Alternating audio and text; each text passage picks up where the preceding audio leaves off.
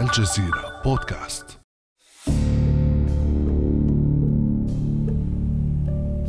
مع الهجمة الثانية لفيروس كورونا كوفيد 19 ومع الأرقام القياسية لعدد الإصابات عادت مظاهر الإغلاق في عدد من الدول العربية والغربية مثل ما هو الحال في دول كثيرة. لبنان مثلا.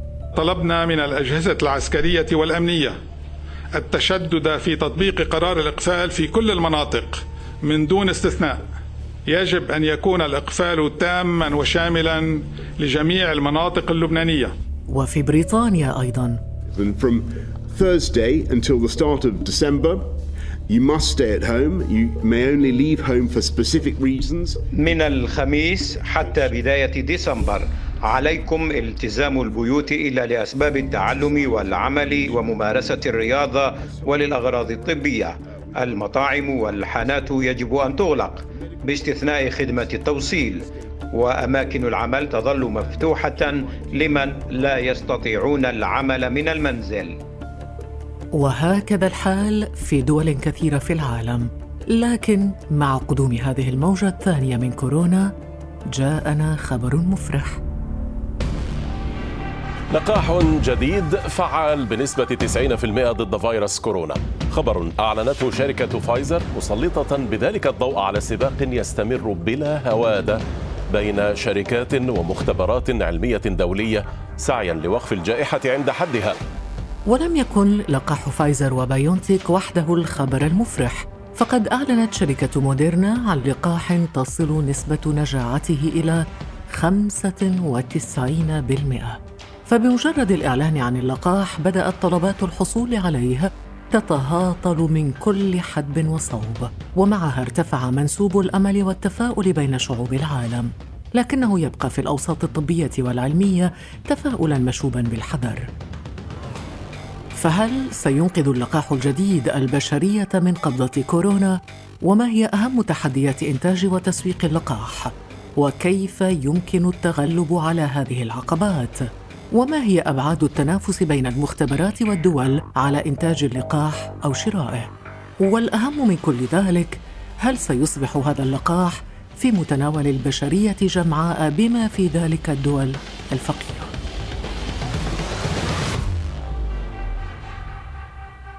بعد أمس من الجزيرة بودكاست أنا خديجة من جنة.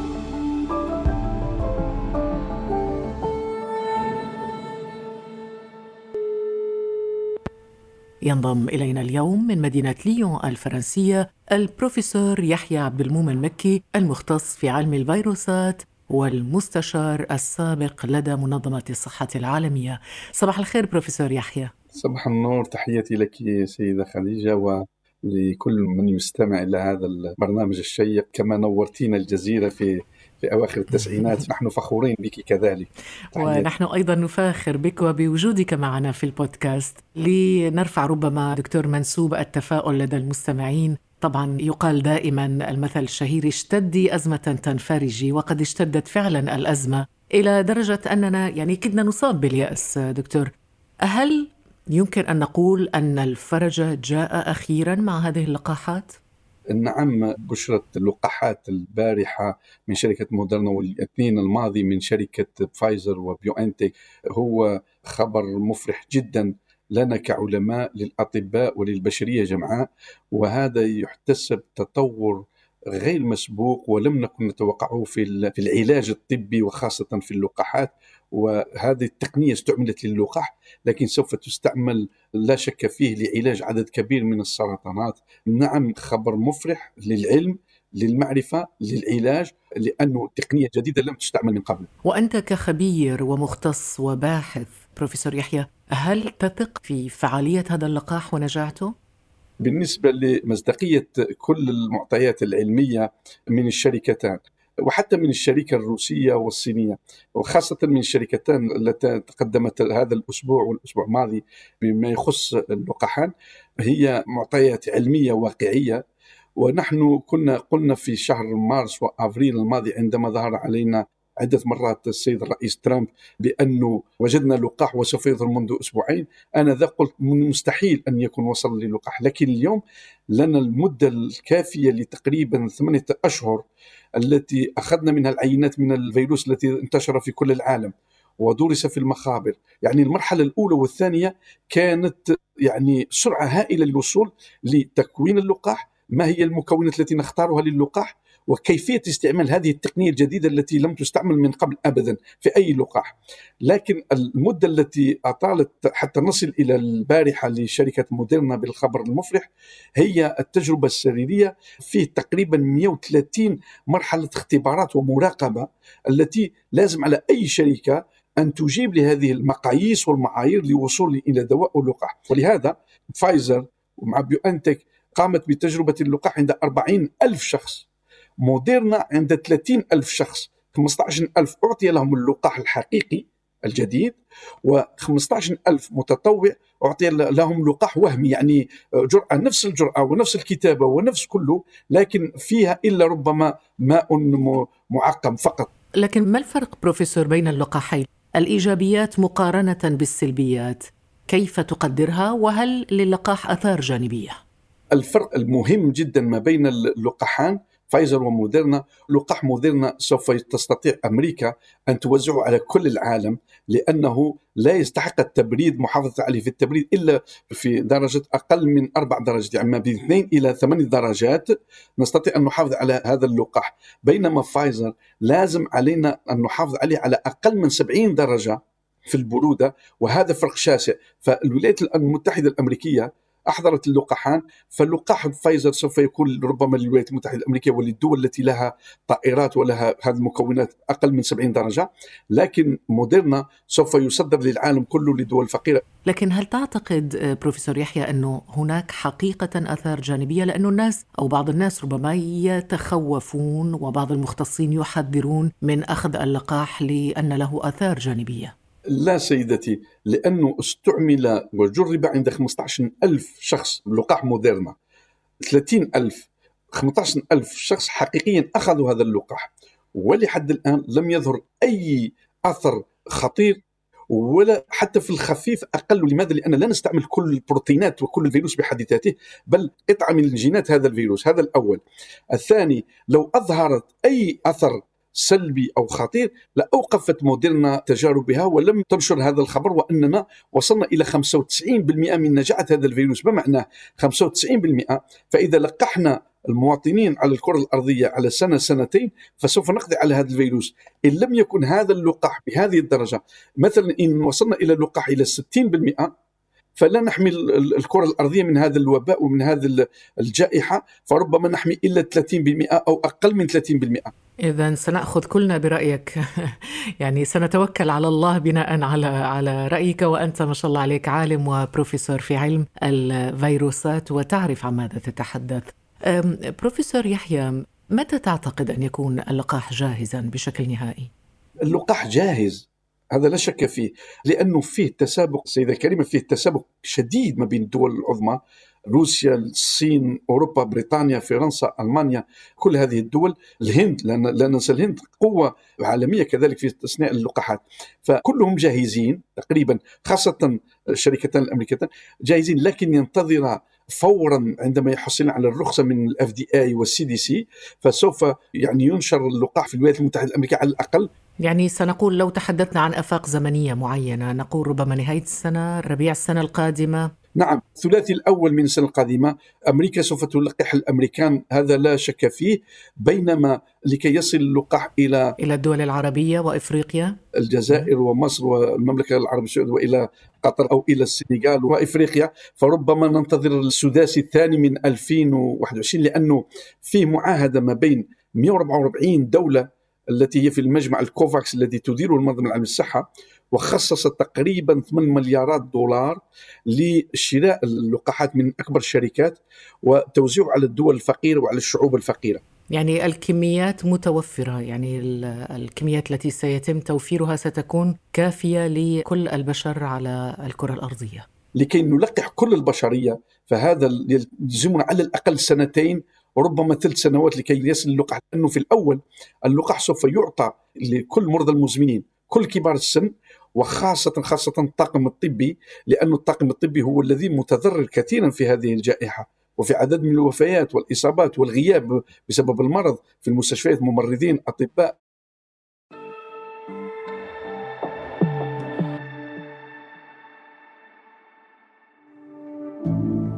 ابقى على تواصل مستمر مع الجزيرة بودكاست ولا تنسى تفعيل زر الاشتراك الموجود في تطبيقك لتصلك الحلقات يومياً.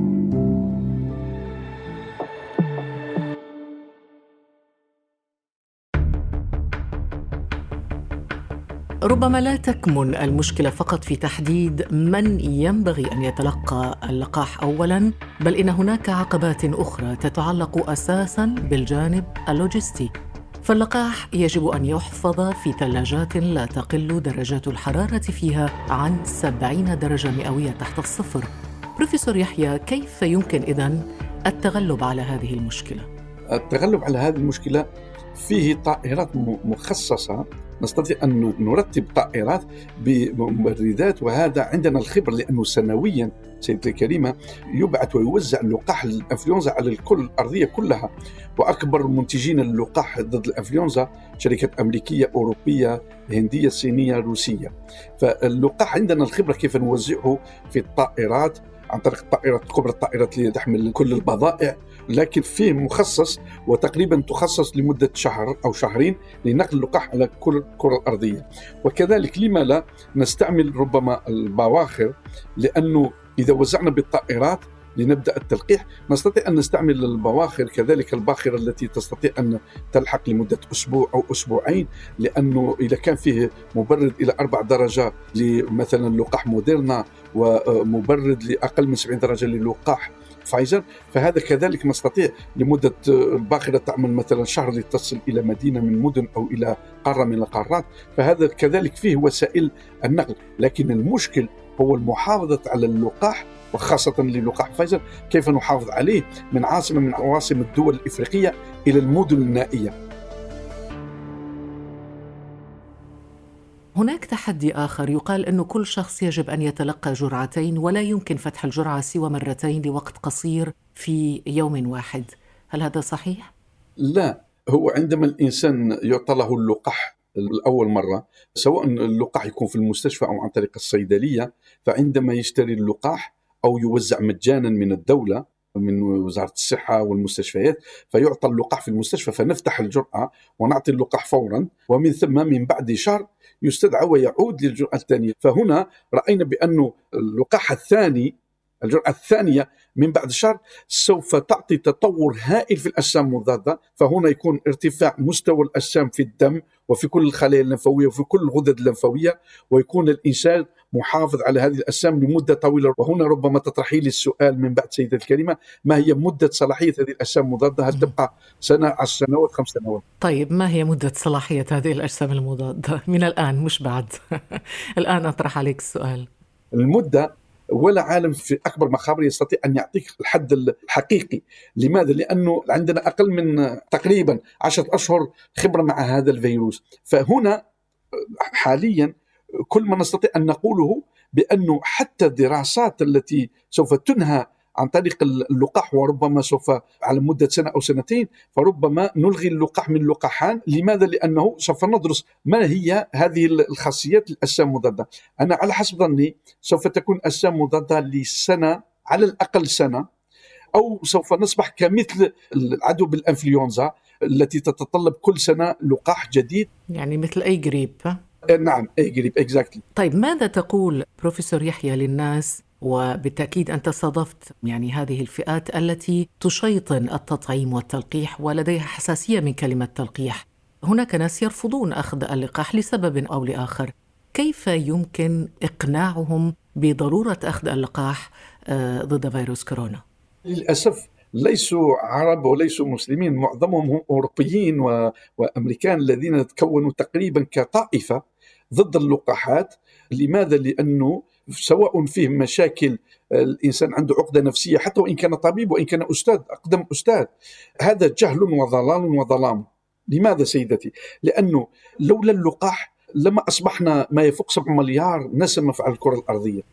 بروفيسور يحيى هناك تحدي آخر يتعلق بالسعر يعني هذه عقبة أخرى تتعلق بسعر اللقاح لأنه في النهاية هو منتج لديه تكلفة ويطمح أصحابه إلى بيعه وجني أرباح من ورائه. لكن بأي سعر سيصل إلى الإنسان البسيط العادي خاصة وأنه يعني ليست كل الحكومات قادرة على اقتناء اللقاح وتوفيره مجانا للمواطنين. أشكرك على هذا السؤال القيم. نعم وهنا دور المنظمة العالمية للصحة وأنا التي كنت خبير في أزمة جائحة الإنفلونزا 2010 اجتمعت المنظمة العالمية للصحة والتي فيها تقريبا 198 عضو من الدول وفيها المجمع الكوفاكس الذي فيه 144 دولة اجتمع. فقرر وضبط سعر اللقاح مهما كان اللقاح. فاللقاح سوف يكون ما بين 4 5 أورو في الأدنى إلى 18 أورو. الدول الغنية تشتري ب 18 أورو والدول الفقيرة ب 4 5 أورو. وعدد كبير من الدول التي ليست لها الوسيلة لكي تشتري فهنا فيه خزينة مالية خاصة في المنظمة الصحة وفيها تبرعات كبيرة من عدد كبير الذين سوف يتبرعون بشراء اللقاحات من الشركات وتوزع مجانا على الدول الفقيرة. لم تمضي ساعات على إعلان فايزر الأمريكية وبايونتيك الألمانية عن اكتشاف لقاح ناجح حتى سارعت روسيا إلى إعلان مماثل وهو أن لقاحها المسمى سبوتنيك V قد تجاوزت نجاعته نسبة 92%. وبعد أسبوع أعلنت شركة موديرنا عن اكتشاف لقاح تقترب نسبة نجاعته من 95% بينما تنتظر مختبرات عالمية أخرى الإعلان عن لقاحاتها المكتشفة والموجودة في مرحلة التجارب السريرية. بروفيسور يحيى برأيك هل هذا التنافس يخدم ويساعد على القضاء على فيروس كورونا كوفيد 19 أم أنه سيدخل العالم في صراع مصالح كبير بين هذه الشركات؟ مهما كان هذا التنافس والتسابق هو جد مفيد لنا فلذا هذا التنافس يزيدنا نحن كعلماء وكأشخاص وكمواطنين هذه الكرة الأرضية سكان الكرة الأرضية فرحا وافتخارا بهذا العلم لأنه سوف يكون تضارب فما الذي على الأقل الشعب الروسي سوف يأخذ اللقاح الروسي والشعب الأمريكي اللقاح الأمريكي والشعب الصيني لكن الدول التي ليست لها القدرة أن تصنع هذه اللقاحات فلها الاختيار. أريد أن أشتري سيارة ألمانية صنع ألماني أو صنع بريطاني. المشكلة انه السيارة ستصلها متأخرة لأنه بدأ تنافس آخر وهو التنافس على الحصول على الجرعات. عندك أمريكا مثلا حجزت طلبية ب 600 مليون جرعة من لقاح فايزر. هناك أيضا الدول الغنية التي حجزت أكثر من مليار جرعة من لقاح شركة فايزر، ما مصير اذا الدول الفقيرة ودول العالم الثالث؟ هنا أرجع وأمدح دور منظمة الصحة تفرض على الدول لأن فيه معاهدة كمعاهدة كيوتو على المناخ كمعاهدة آه، عدم التسلح النووي كوفاكس نعم طب ماذا تقول هذه المعاهدة أو المبادرة مبادرة كوفاكس؟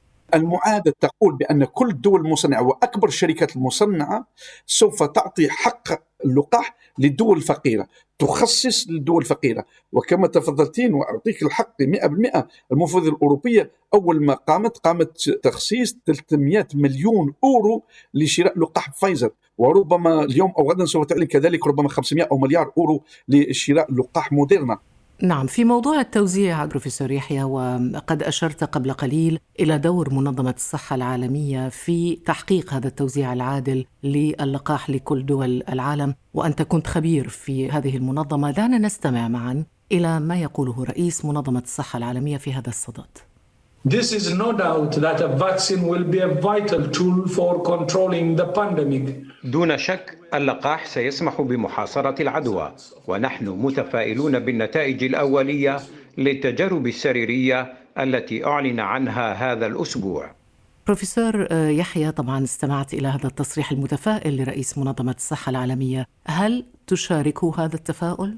نعم أشاركه لأن والدي رحمة الله عليه علمني حاجة بأنه ليس المستحيل مستحيلا بقوة الإيمان وعزم الإرادة لكي نقضي على الوباء فوق الكرة الأرضية وننهي من هذه الجائحة. لازم علينا أن نلقح ما يفوق 70% من أشخاص لوطن. نبدأ التلقيح على الأقل إن شاء الله في آخر هذه السنة أو بداية السنة القادمة إن شاء الله.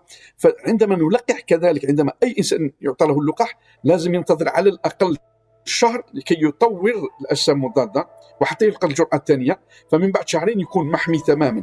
ما نتمناه جميعا هو أن يصل هذا اللقاح في أقرب وقت وإلى كل البشر على هذه الكرة الأرضية، اذا ربما سيكون فعلا هذا هو باب الفرج الذي من خلاله سنرى بارقة أمل لتتخلص البشرية من هذا الفيروس اللعين الثقيل الذي فتك بالبشرية.